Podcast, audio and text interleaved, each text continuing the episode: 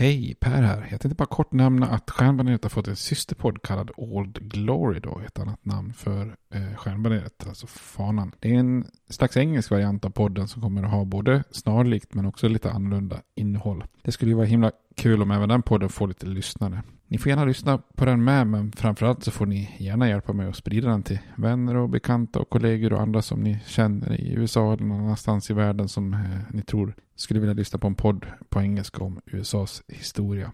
Tack, det var bara det jag ville säga. Nu kommer avsnittet. Hej då!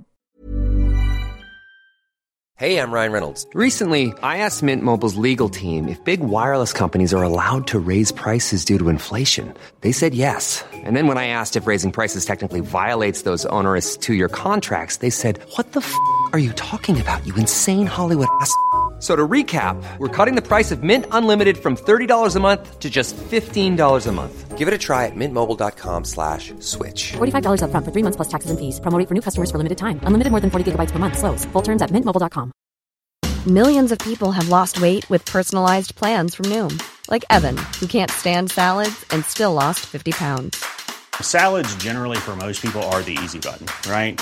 For me, that wasn't an option. I never really was a salad guy. That's just not who I am. But Noom worked for me. Get your personalized plan today at Noom.com. Real Noom user compensated to provide their story. In four weeks, the typical Noom user can expect to lose one to two pounds per week. Individual results may vary. Even on a budget, quality is non-negotiable. That's why Quince is the place to score high-end essentials at 50 to 80% less than similar brands. Get your hands on buttery soft cashmere sweaters from just 60 bucks, Italian leather jackets, and so much more. And the best part about Quince, they exclusively partner with factories committed to safe, ethical, and responsible manufacturing. Elevate your style without the elevated price tag with Quince. Go to quince.com slash upgrade for free shipping and 365-day returns.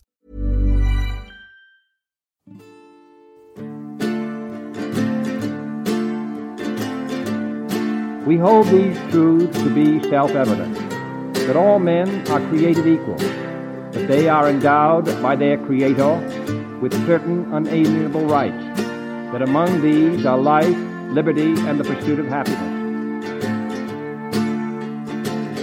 Now we are engaged in a great civil war, testing that government of the people, by the people, for the people, shall not perish from the earth. And so, my fellow Americans, ask not what your country can do for you. Ask what you can do for your country. I have a dream. My four little children will one day live in a nation where they will not be judged by the color of their skin, but by the content of their character. Mr. Gorbachev, tear down this wall. I did not have sexual relations with that woman, Miss Lewinsky. Hej och välkomna till Stjärnbaneret, en podcast om USAs historia med mig Per Fjärdingby. Det har gått några veckor sedan senaste avsnittet, lite sommarledighet och semester. Eh, men eh, jag tänkte att vi fortsätter och tar vid där vi var i översiktsserien. Vi har ju pratat ganska mycket om kalla krigets uppkomst, den här problematiska situationen efter andra världskriget och, och hur den här järnridån som Churchill kallar det föll över Europa och delade in väldigt mycket i öst och väst och eh, på något vis en intressesfär för Sovjetunionen och en för USA då. Och vi har pratat om hur det kalla kriget liksom uppstår. Eh, vi har pratat om Berlinblockaden och, och allt det som som hörde där kring då. Eh, och det har ju varit väldigt fokus på Europa. Eh, men som vi kommer att se i dagens avsnitt så kommer ju kalla kriget ganska snabbt också att eh, eskalera och framförallt kanske ta sig eh, in i Asien och påverka eh, hur USA och Sovjetunionen agerar i, i förhållande till olika länder i Asien. Då.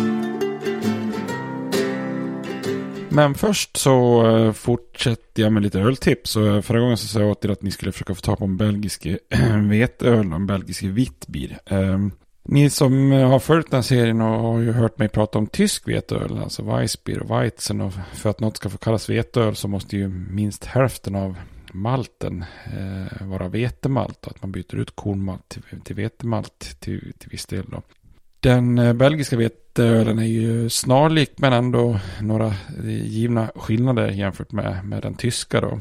Eh, och den belgiska veteölen, eh, som ju kallas då för vitbier, har ju en väldigt lång tradition eh, tillbaka till medeltiden. Eh, bland annat förknippat med en stad som kallas Hogarden, som, eh, som ju också eh, ett, ett, ett av de kändare ölen eh, uppkallade efter. Då. Men som med väldigt många sådana här lokala och historiska öltraditioner så tappades den ju liksom och slogs mer eller mindre ut av mer moderna öl som lagerölet under 1900-talet. Men det fanns en bryggare då, Pierre Celis, som eh, återskapade den här ölstilen på 1960-talet. Och, och efter det så är det många som har hakat på då. Så idag är det ju en eh, ska man säga, relativt vanlig ölstil i Belgien och, och även bland hantverksbryggerier över, över hela världen. Då. Eh, till skillnad från den tyska veteölen som består av, av då vetemalt, oftast ungefär två tredjedelar och sen kornmalt resten, så, eh, så har belgisk vitbier ofta både vetemalt men också omältat vete. Och det här ger ju en, eh, en viss skillnad redan där då. Sen är ju gästen man använder en relativt eh, unik gäst som ger en väldigt speciell karaktär. Då, lite len och frisk men eh, också eh, aningen lite kryddig och, och syrlig nästan. Eh, man har nästan ingen humle eh, i en sån här öl så att bäskan är ju nästan helt frånvarande. Däremot är det ju då väldigt vanligt att man kryddar en belgisk vitbir med koriander eller eh, apelsinskal, pomerans då. Eh, och eh, så vidare då. Så här är en extremt ljus öl, väldigt halmfärgad, extremt ljus och eh, ibland också lite grumlig som det lätt blir när man använder eh, vete, omältat vete. Och en av de allra mest kända, mest kända exemplen då rent kommersiellt är ju den, den öl som heter Hogarden då efter orten då. Inte så, helt sällan så serveras den i ett ganska kantigt, kraftigt eh, glas då med, med en apelsin på, på, fastsatt på kanten då. Eller en citron.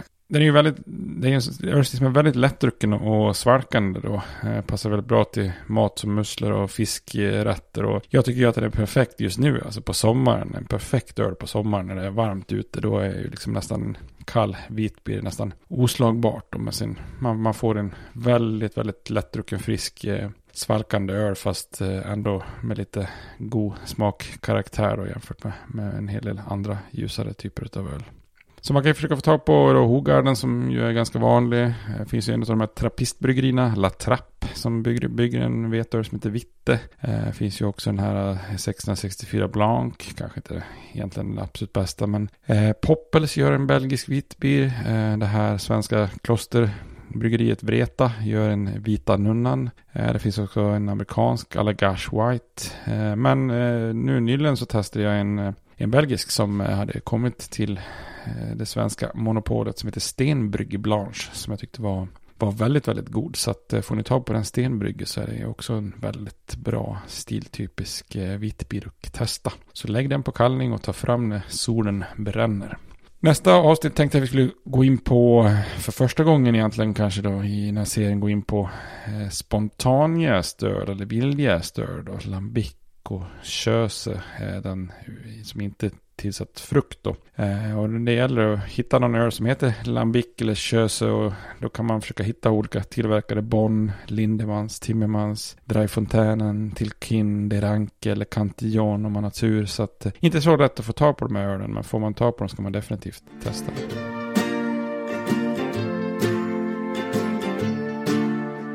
Om vi hoppar vidare till historien då så, ehm, så ska vi ju se då hur kalla kriget på något vis eskalerade i slutet av 40-talet och början av 50-talet. Och rivaliteten mellan USA och Sovjetunionen blir större och större och båda sidor börjar rusta upp militärt och, och samtidigt experimentera fram med nya metoder och vapen. Och kalla kriget börjar då sprida sig från, från Europa egentligen som där det liksom på något vis startar av naturliga skäl till Asien. Och när Harry Truman Eh, lämnar Vita huset i början av 1953 då, då är ju kalla kriget i princip globalt. Eh, då förs det ju över hela jordklotet nästan mer eller mindre i alla världsdelar. Det skulle ju inte ens eh, stoppa där då utan det blir ju även en, en form av rymdkapplöpning kan man säga utanför planeten. Tittar man på USA då, så efter andra världskriget så, så såg USA till att eh, göra en form av militär omorganisation kan man säga man hade ju inte, alltså USA har ju inte haft en tradition av att egentligen gå in i många krig ganska oförberett. Man har inte haft så stor armé överhuvudtaget liksom. Eh, och så får man rusta upp ganska hastigt inför krigen med mycket eh, frivillig, frivilliga förband och får man till som draft för att, för att tvinga eller tvångsrekrytera in eh, personal till militären. Och, eh, och efter krigen så har man oftast då ganska snabbt också rustat ner för att gå tillbaka till den här minimala militärmakten då. Men efter andra världskriget så rustade ju inte USA ner militären lika drastiskt som man hade gjort efter tidigare krig då. Ehm, eh, inflödet liksom av militär personal via det här systemet som kallas för Selective Service System behölls. Eh, och det är ju en kursändring för att vara USA då och ett bevis på att kalla kriget är just ett slags nästan krigsliknande tillstånd som, som definitivt inte innebär någon form av hundraprocentig fred. Då, så att USA känner inte att man kan rusta ner på samma sätt. Och, eh, erfarenheterna från andra världskriget gjorde också att man såg över hela det militära systemet och ledningen då. Eh, alla vapengrenar behövde ansåg man behövde styra sin gemensam ledning som, som dessutom placeras närmare den verkställande makten och presidenten då. Och de här omorganisationerna i militären kommer framförallt 1947 när USA eh, antar en lag då som heter National Security Act som gjorde, gjorde den här militära eh, organisationen möjlig då. Eh, så nu skapar man då ett, ett nytt departement, ett försvarsdepartement som då ersätter de båda tidigare då krigs och marindepartementen där alltså armén och flottan haft varsitt depart eh, departement liksom, eh, med ministrar och så vidare. Så att eh, nu inför man då en civil försvarsminister som ska leda det här departementet och, och styra över de tre vapengrenarna. För nu är det inte bara armén och flottan utan det är också, också flygvapnet som, som har blivit viktigt och, och blir allt viktigare då. Eh, och trots att de likställs på pappret så är det ju det här nya flygvapnet som blir den dominanta delen av, eller den dominanta vapengrenen inom departementet och militären också. Eh, det är ju flyget som snabbt blir liksom det primära och första vapnet både egentligen för anfall och försvar och i en atomvärld så fick ju flyget också extra betydelse. Alltså i en värld utan långdistansmissiler så är det ju flygplan som behöver frakta eh, bomberna då. Eh, dessutom skapade man ju för första gången det som kallas för National Security Council som styrde eh, utrikes och militär policy direkt under Vita huset. Då. Och i den här NSC så ingick ju naturligtvis försvarsministern men också utrikesministern och cheferna för de här tre vapengrenarna. Då. Eh, och tillsammans så skulle, de här, skulle den här eh, gruppen ge råd till presidenten i alla frågor som gällde nationens säkerhet. Då. Den här lagen såg också till att föregångaren till underrättelseorganisationen ersattes med en ny underrättelsemyndighet och det blir då Central Intelligence Agency, CIA då. Och CIA skulle få en väldigt viktig roll i att samla underrättelseinformation under kalla kriget med, med både egentligen öppna och eh, hemliga metoder och myndigheten gavs också till, till, tillåtelse att genomföra både hemliga politiska och militära operationer i, i USAs intresse och vi kommer ju att komma in på en del av dem framöver här.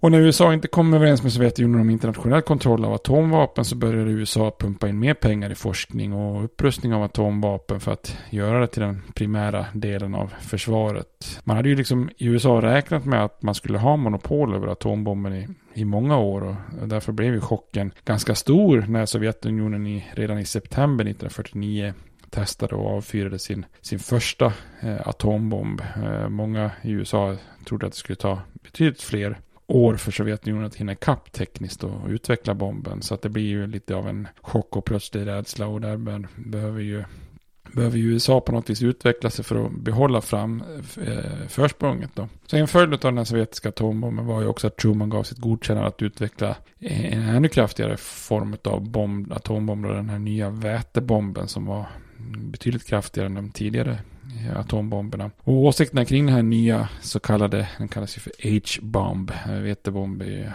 eh, hydrogen bomb. Eh, så i USA kallas den ju oftast bara för H-bomb. Och gick ju, åsikterna gick ju isär då. Många vetenskapsmän som Oppenheimer till exempel motsatte sig ju den här bomben av moraliska skäl på grund av den enorma kraften att förstöra som kunde vara flera hundra gånger större än de här ursprungliga atombomberna som släpptes över Hiroshima och Nagasaki. Då. Eh, George Kennan som vi pratade om tidigare, han föreslog ju förnyade försök till förhandling med Sovjetunionen kring atombomber med införande av internationell kontroll och inspektion istället. Men eh, hans vapendragare Dean Acheson som hade tagit över som utrikesminister 1947 ansåg det helt nödvändigt att USA utvecklade vätebomben före Sovjetunionen då. Men, eh, och redan i november 1952 så testade USA sin första vätebomb. Eh, men redan året efter så testade Sovjet sin första då. Storbritannien och Frankrike var ju heller inte långt efter då. Så att eh, upprustning och atombomber hade ju vid det här laget i början av 50-talet gått in i en helt ny fas kan man säga. Då.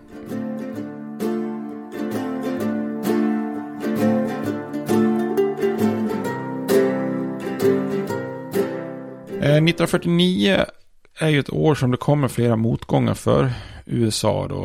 Eh, dels det här med att Sovjetunionen testa sin första atombomb då. Men en av de större chockerna kom ju snarare i Asien då, där eh, Mao och kommunisterna segrar i Kina då, i inbördeskriget där. Eh, och kalla kriget sprids ju då även till Asien då, inte lika snabbt som i Europa, men, eh, men vid Jalta-konferensen hade ju USA och Sovjetunionen försökt att balansera sina respektive intressen i Asien då. Eh, Sovjetunionen skulle ju få dominera i nordöstra Asien medan USA dominerade i Stilla havet och, och Japan då. Men när det gäller Kina så hade ju det varit lätt av Chiang Kai-shek och varit allierat med USA under andra världskriget. Då. Men Chiangs, den här nationalistiska regeringen, var ju väldigt korrupt och inkompetent och hade ju inte något sådär jättebrett och stabilt stöd hos det kinesiska folket då. Eh, och ända sedan 1927 så hade ju Chiang styre fått tampas då med en bitter fiende i form av kommunisterna som var ledda av Mao Zedong då. Och vid tiden för andra världskrigets slut så hade ju Mao eh, kontroll över runt en fjärdedel av, av eh, befolkningen i Kina då. Så Kina förblev ju ett problem för USA och landet låg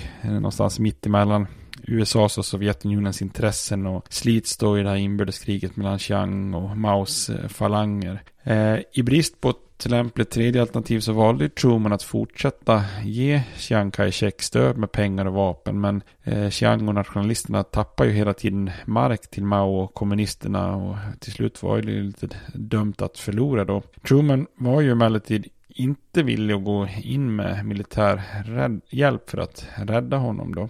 Och efter att ha ockuperat Manchuriet i nordöstra Kina under slutet av kriget så väljer också Sovjetunionen lite hastigt och plötsligt att dra sig tillbaka 1946 då. Eh, efter att först ha förflyttat all industriell utrustning som japanerna hade etablerat där under sin tidigare ockupation av, av regionen. Sovjetunionen gör ju mycket så även i Östeuropa att man flyttar industriell utrustning till, till liksom sovjetiskt kärnland snarare då kontrollen över Manchuriet lämnades då till Mao och kommunisterna. Och, eh, och Chiang Kai-shek ignorerade då det amerikanska rådet och rusade norrut med sina styrkor för att återerövra Manchuriet då i det vakuumet efter Sovjet. Och, och USA hade ju försökt att förhindra ett fullskaligt inbördeskrig i, i Kina men under 1945 och 46 då eh, så, så försöker Truman styra upp en fredlig uppgörelse. Eh, bland annat genom att skicka utrikesministern Marshall för att medla. Men 1947 så eskalerade konflikten och i slutet av 1948 så kunde Mao till slut att driva nationalisterna ut ur Manchuriet och avancera söderut. Och då går det ganska hast, hastigt. Nationalisterna tvingas i slutet av 1949 i,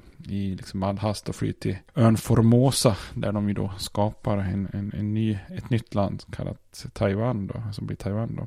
Mao och kommunisterna tog ju över hela det kinesiska fastlandet och i början av eh, 1950 så skrev Mao och Stalin under ett samarbetsavtal som gjorde då att det kommunistiska Kina, åtminstone i USAs ögon, blev en slags förlängning av Sovjetunionen då. Eh, och assisterande utrikesministern Dean Rusk beskrev Maos regim som a colonial Russian government då, i det här laget. Följden av eh, det här som, som i USA kallas Kinas fall. Eh, framförallt har ju Kinas fall två följder. Då. För det första så vägrar USA att erkänna Maos Kina utan fortsätter att se nationalisterna på Taiwan som det legitima kinesiska styret. Det här är ju någonting som eh, seglat upp och blivit oerhört aktuellt bara eh, här i veckorna nu med Nancy Pelosis besök och de här kinesiska militärövningarna där det blir lite frostigt när USA fortsätter. Så att det här är ju ett arv ända sedan den här tiden så att säga som vi får leva med än idag då. Eh, för för andra så, den andra följden av det här blir ju att USA fokuserar ännu mer på att göra eh, sin forna fiende Japan till den främsta allierade i Asien då. Och tittar man, vänder man blicken mot Japan så hade ju USA snabbt kopplat greppet om Japan eh, efter eh, kriget då. Det var ju USA som bekämpat Japan under kriget och det var ju USA som ensamma hanterade landet efter kriget. Det är ju inte någon slags uppdelning som i, i ockupationszoner så som man gjorde med, med Tyskland och Österrike efter andra världskriget. Eh, utan här är det ju bara USA då och det är general Douglas MacArthur som leder ockupationen av Japan efter kriget och Sovjetunionen gavs ju ingen som helst roll eller inflytande i återbyggandet av landet. Och efter ett par år av, av strikt militärt styre så började USA lyfta bort många restriktioner på industri och uppmanade till en snabb ekonomisk tillväxt i Japan och en etablering av en marknadsekonomi. Och MacArthur såg till att Japan mer utvecklades till en slags konstitutionell eh, demokrati i linje med västvärlden där kommunister var förbjudna att inneha politiska positioner. Eh, och Japan visar sig ju relativt villiga att och förneka rätten till krig i sin nya konstitution och istället lita på amerikanskt militärt beskydd. Och, eh, det här gör ju att Japan sen återuppbyggs i en väldigt, väldigt snabb takt. Då. Och istället för det mer problematiska Kina så blir ju det här på nytt födda Japan det främsta alternativet till en en nation som var pro-västern då och allierad med västern i, i Asien då. Så att här kommer den här situationen när Japan helt plötsligt går från att ha varit USAs, en av USAs största fiender till att vara en av de viktigaste allierade då. Kommunismens seger i Kina var ju en av de mest eh, traumatiska händelserna under kalla kriget för USA då, och satte också igång en, en ganska eh, intensiv debatt om vad som är rätt policy för USA då. Containment då, eller den här uppdämningspolicyn som Truman följt för att hantera kalla kriget hade ju haft eh, ganska brett stöd från många amerikaner och båda partierna, både demokrater och republikaner. Men det fanns ju också kritiker då. På ena änden så fanns ju vissa liberala kretsar som menar att det Eh, redan den eh, policyn var en onödigt hård inställning. Att man snarare kunnat skapa fred med Sovjetunionen. Men de mest högljudda och, och mest inflytelserika kritikerna hittar man då på högersidan då. Eh, där man vill ha hårdare tag då. Och en av de mer framtonande var ju Robert Welsh som ledde någonting som kallas för John Birch Birth Society, alltså en antikommunistisk organisation. Eh, och han går så långt att han menar att det här containment, det likställer han med appeasement, alltså eftergiftspolitiken då, eh, alltså en vek respons mot Sovjetunionen. Han menar att den amerikanska staten är full av kommunister som var beredda att underminera USA och förråda landet till en ny kommunistisk världsordning då. Han menar att internationella institutioner som FN till exempel, det är bara enligt han Welsh ett bevis på, på det här förräderiet. Och, och även om det här John Birch Society var extremt i många åsikter så fanns det ändå många amerikaner som hade liknande tankar. Och, och även på ganska hög politisk nivå. Och en av de främsta, eh, eller mest kända, eh, var ju den framtida ut utrikesministern John Foster Dulles som eh, menar att containment är inte nog. Kommunisterna måste bekämpas och, och rullas tillbaka så att säga. Östeuropa behövde befrias till exempel. Då. Rädslan för kommunism som ideologi då ökar ju rejält efter Kinas fall och många i USA menar ju att det var ett rejält svaghetstecken att USA inte hade kunnat hindra utvecklingen då. Eh, I princip ett slags förrädiskt svek då. Eh, inom militär, bland många politiker och inom journalistkåren så var det ju många som menar att USA inte har gjort tillräckligt för att eh, så att säga rädda Kina från kommunismen då. Och många anklagade Trumans administration i allmänhet och utrikesdepartementet i synnerhet för att vara ansvariga för det här debaklet då. Och i den här atmosfären så tillsatte Truman på inrådan av utrikesminister Dean Acheson en, en, utredning som såg över den amerikanska utrikespolitiken och resultatet eh, utav det blev ju då en rapport från National Security Council 1950 då som kallas för NSC 68 och i den här NSC 68 så slår man fast att Sovjetunionen försökte, ja, hade som policy att försöka tvinga på resten av världen sina auktoritära kommunistiska modeller och, och, och därmed också utgjorde ett slags dödshot mot USA och demokratiska länder. Eh, rapporten slog fast att containment policyn då, eller Truman-doktrinen, varit eh, rätt, eh, alltså hade haft rätt i inriktningen, men att man hade gjort ett par avgörande fel inom ramen för den här policyn. Då. Det första felet var att man hade skilt mellan områden av särskilt intresse för USA och områden med mindre intresse. I, I rapporten menar man att USA behöver agera mot kommunismen oavsett var hotet dök upp så att säga. alla områden som riskerar att falla i kommunistiska händer är av särskilt intresse för USA så att säga. Det andra felet man menar var att USA gjort, hade gjort då, det var ju att försöka dela på den militära bördan med andra västmakter. Och i rapporten så slog man fast att USA själva måste ta ansvar då och för att då kunna slå till överallt på jordklotet och eh, även ensamma om, om det behövdes eh, rekommenderar man i rapporten att den amerikanska militära förmågan behövde vässas genom att budgeten för militären fyrdubblades jämfört med tidigare. Då. Om det behövdes så rekommenderade rapportskrivarna att USA borde vara villiga att spendera närmare 50% av sin BNP årligen på försvar och militären. Då. Så det är ganska drastiska siffror som, som den här rapporten nämner då. Men principerna kanske mer än de här procenten och siffrorna från NS68 eh, godkänns ändå av eh, National Security Council i april 1950 och det här beslutet blev ju väldigt mycket en symbol för Truman-administrationens beslutsamhet att försöka vinna kalla kriget i princip nästan eh, oavsett kostnad.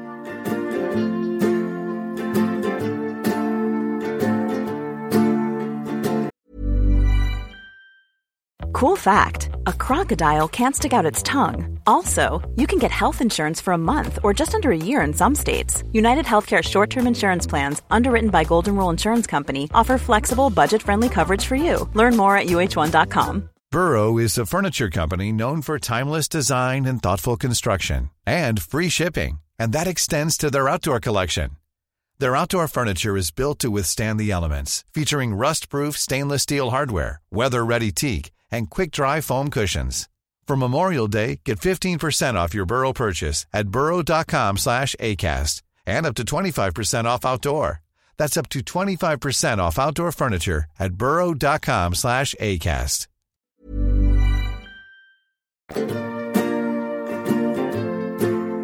Så kalla kriget har ju spridit sig eh, även till Asien då och Eh, kalla kriget ställs lite grann på sin spets i, i eh, Korea. Ehm, 1945 så hade den tidigare, det tidigare japanskt ockuperade Korea delats på mitten då, längs den 38, och 38 breddgraden där Sovjetunionen ockuperade den norra delen av USA, den södra delen då. Eh, alltså den här ockupationszonerna som, som var så vanligt att man gjorde, delade upp världen efter andra världskriget då. 1949 så lämnade ju Sovjetunionen den norra delen och, och lämnade över makten till en kommunistisk regim då, eh, ledd av eh, Kim Il-Sung, stödd av en armé, drillad och utrustad av Stalin då. Och några månader senare så lämnade USA den södra delen i händerna på en nationalistisk konservativ ledare då, eh, Syngman Rhee. Eh, och de båda regimerna i nord och syd. Eh, tanken var ju att man skulle eh, enligt FN då hålla eh, politiska val som kunde ena landet. Men båda de här regimerna var, var ju mer intresserade av att behålla det som var sitt och ignorera den här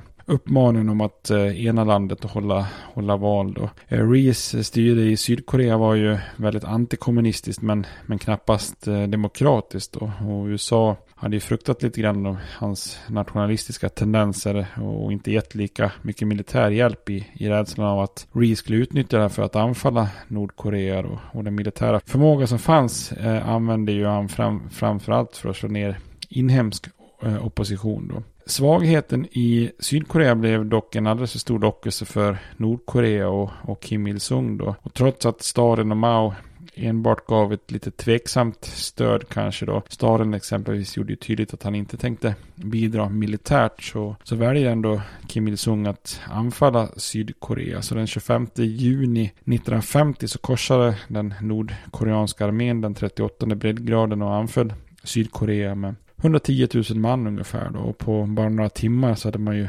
brutit igenom Sydkoreas försvar och börjat förflytta sig och svepa söderut då. Men Sung tillsammans då kanske med Mao och Stalin eh, på sätt och vis då hade ju underskattat USA lite här. Utrikesministern Dean Acheson hade ju i ett tal inte nämnt Korea som ett av de områden man var beredd att försvara innan han höll ett tal i januari 1950 och då hade man kanske trott att USA inte skulle vara villiga att kontra med militärkraft. Men Truman han såg den här invasionen som sovjetisk aggression eh, och ansåg att det var i princip samma aggression som hade lett till andra världskriget och det, det även om naturligtvis det var nazistisk eh, aggression men det var en, i alla fall en utmaning som han snabbt bestämde sig för att den inte kunde gå förbi Eh, utan motåtgärder tänkte han inte tillåta. Eh, om Korea föll så trodde han att ett tredje världskrig skulle vara nära då. Så han sammankallade ju FNs säkerhetsråd och utnyttjade att Sovjetunionen för tillfället bojkottade den här institutionen. Eh, det gjorde man ju då utifrån att FN såg Taiwan som den rättmätiga representanten för Kina i, i säkerhetsrådet. Då.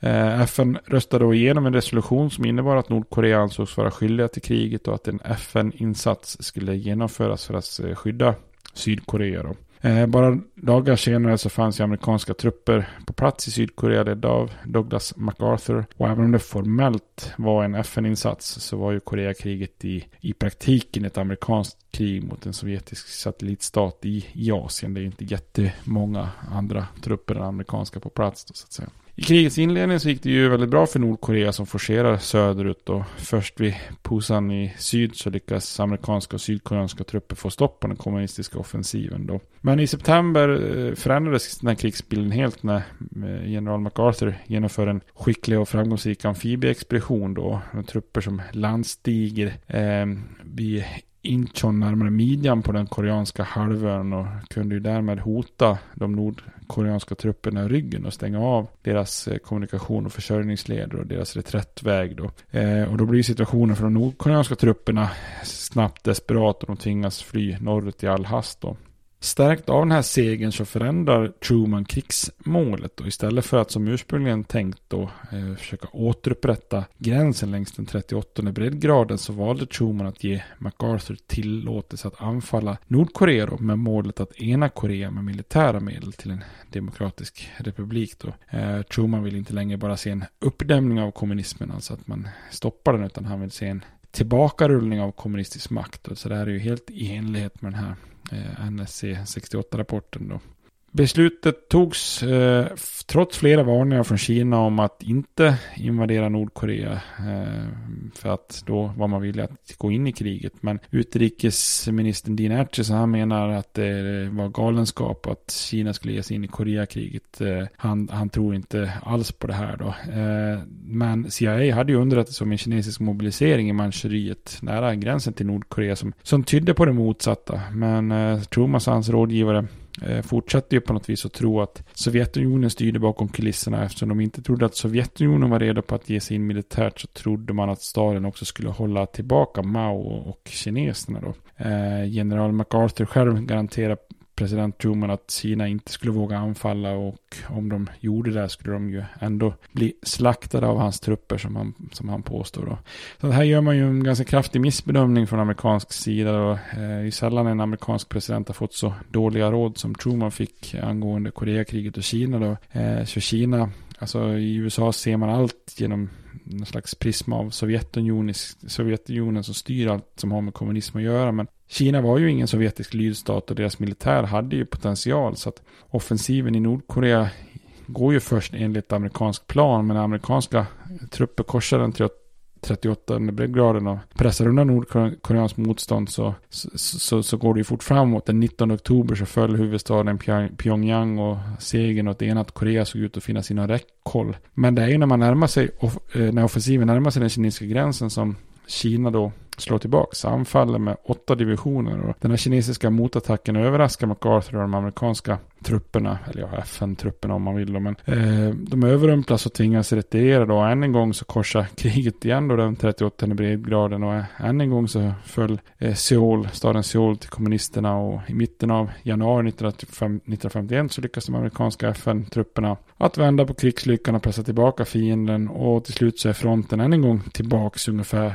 vid den 38 breddgraden och, och stabiliseras runt den då. Så man kan säga att efter att ha forcerat fram och tillbaka på den koreanska halvön där då så är man tillbaka på, på ruta ett kan man säga där då. Eh, och ingen visste det då men den här delningen av fronten är ju någonting som skulle komma att bestå väldigt länge. Eh, det vill säga än idag då.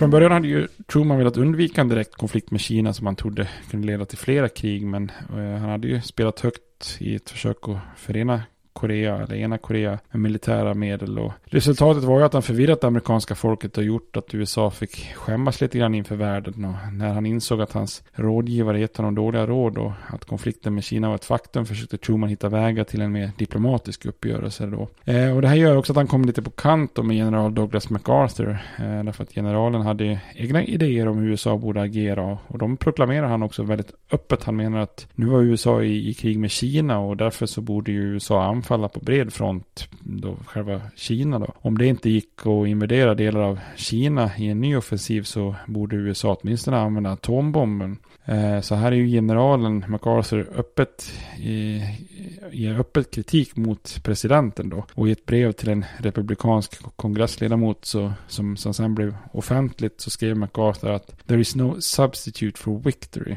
Så här agerar ju MacArthur som general på ett sätt som är oacceptabelt och, och som en trots mot principen om att civila ledare och presidenten var överordnade militären och att militära ledare inte skulle blanda sig i politiken då. Eh, men MacArthur var ju i amerikanska folkets ögon en extremt populär general och krigshjälte då från Stilla havskriget. Eh, gallupundersökningar visar att 69% av amerikanerna eh, stödde MacArthurs åsikter då.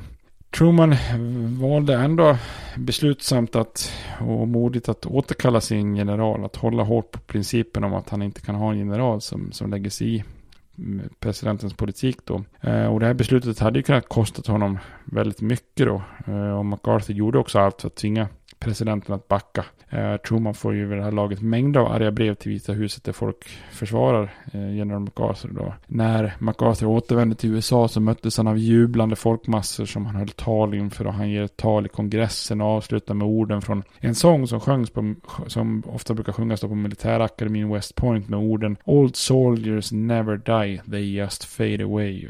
Flera kongressledamöter sägs ha fått tårar i ögonen efter det här talet och de här orden då. Men Truman han är hårdnackad också. Han, han tillsammans med, med sina ministrar i administrationen så står han fast och, och, slår tillbaka för att eh, hålla fast i principen om att eh, politiker är överordnade militären då. I kongressens förhör kring Koreakriget så slog man fast att MacArthurs föreslagna strategi eh, snarare hotar att exponera hela Europa för en sovjetisk attack och leda till tredje världskriget. Och Trumans eh, militära rådgivare general Om Omar Bradley, som ju även han var en, en viktig hjälte från andra världskriget, slog ju fast att en uppgörelse med kommunismen i Asien, Asien eh, vore då, som han säger, the wrong war at, at the wrong place at the wrong time with the wrong enemy. Och när flera militära höjdare som Bradley ställde sig bakom Truman så kom det amerikanska folket att acceptera MacArthurs återkallande. Då.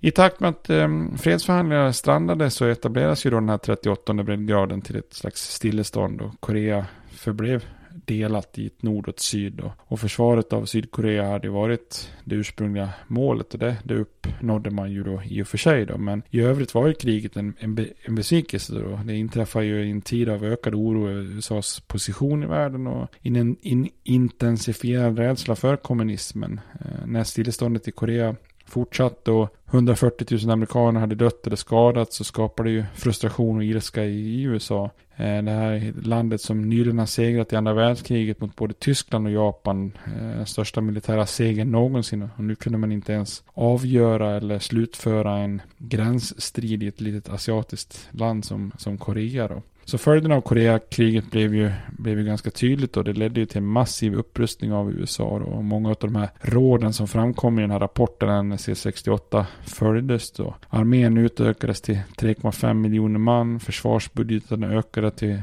50 miljarder om året. Eh, USA skapar militära baser på, på mängder av platser långt ifrån USA och utanför Europa, till exempel Saudiarabien och Marocko. Så kalla kriget hade kylts ytterligare och USA var ju nu fast i en global kamp med Sovjetunionen både militärt och eh, ideologiskt då kan man säga. Så där ser vi hur kalla kriget sprider sig från att vara fokuserat på Europa så, så, eh, så hamnar det även i fokus i, i Asien då. Och den här lite hårdnade inställningen också kring hur man ska bekämpa kommunismen kommer ju också få oerhörda Eh, följder på hemmaplan då med, med misstankar om förräderi och kommunism inom staten och, och så vidare. Och eh, lite grann hur kalla kriget och den här antikommunismen påverkar den amerikanska hemmaplanen tänkte jag att vi skulle kolla på i nästa avsnitt. Men tills dess så får ni ha det bra. Hej då! States like these and their terrorist allies constitute an axis of evil. And if the hippies and the yippies and the disruptors of the systems that Washington and Lincoln as presidents brought forth in this country will shut up and work within our free system of government, I will lower my voice. If the impeachment provision in the Constitution of the United States will not reach the offenses charged here, then perhaps that 18th century Constitution should be abandoned to a 20th century paper shredder. Therefore, I shall resign the presidency effective at noon tomorrow.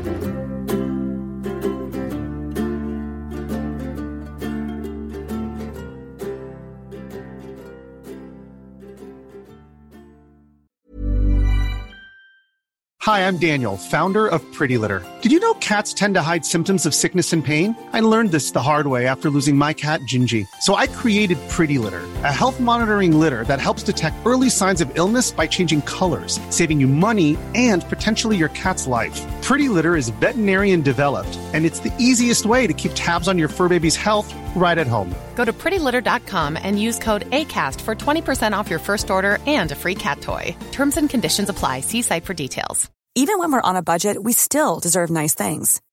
Quince is a place to scoop up stunning high end goods for 50 to 80% less than similar brands. They have buttery soft cashmere sweaters starting at $50, luxurious Italian leather bags, and so much more. Plus, Quince only works with factories that use safe, ethical, and responsible manufacturing. Get the high-end goods you'll love without the high price tag with Quince. Go to quince.com/style for free shipping and 365-day returns.